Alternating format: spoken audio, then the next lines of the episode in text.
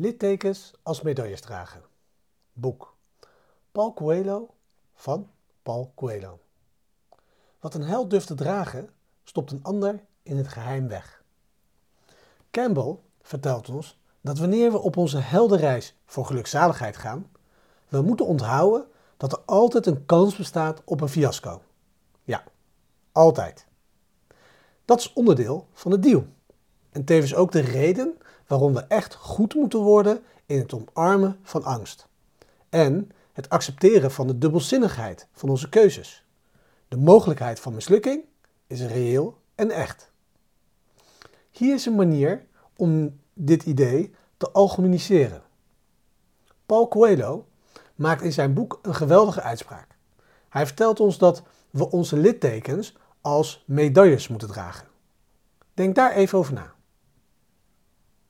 De meeste van, onze, de meeste van ons proberen al die littekens te verbergen. Maar dat geldt niet voor de helden onder ons. De helden weten dat je niet voor je bestaansrecht kunt vechten zonder dat je af en toe klappen moet incasseren. De helden onder ons verbergen die littekens niet op schandelijke wijze. Zij en wij laten ze met trots zien. Die littekens zijn de medailles van de held.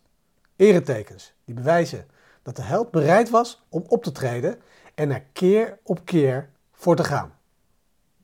De microles van vandaag komt weer in de vorm van een vraag. Heb je littekens die jij verborgen houdt? Dan is nu een goed moment om ze te herdefiniëren als medailles die je hebt verdiend. Als onderdeel van je gevecht voor jouw levenssucces.